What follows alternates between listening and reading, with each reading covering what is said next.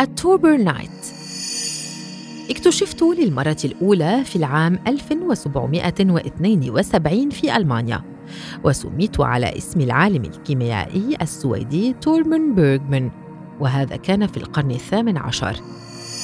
شكلي صغير نوعا ما ولوني أخضر وبلورات مستطيلة الشكل لكن ما يميزني هو أنني غني باليورانيوم المشع. نعم هذا الذي يستخدم في المفاعلات النووية فأنا أعتبر أحد خاماته لذلك فالتعامل معي صعب للغاية فلا يمكنك لمسي بهذه السهولة.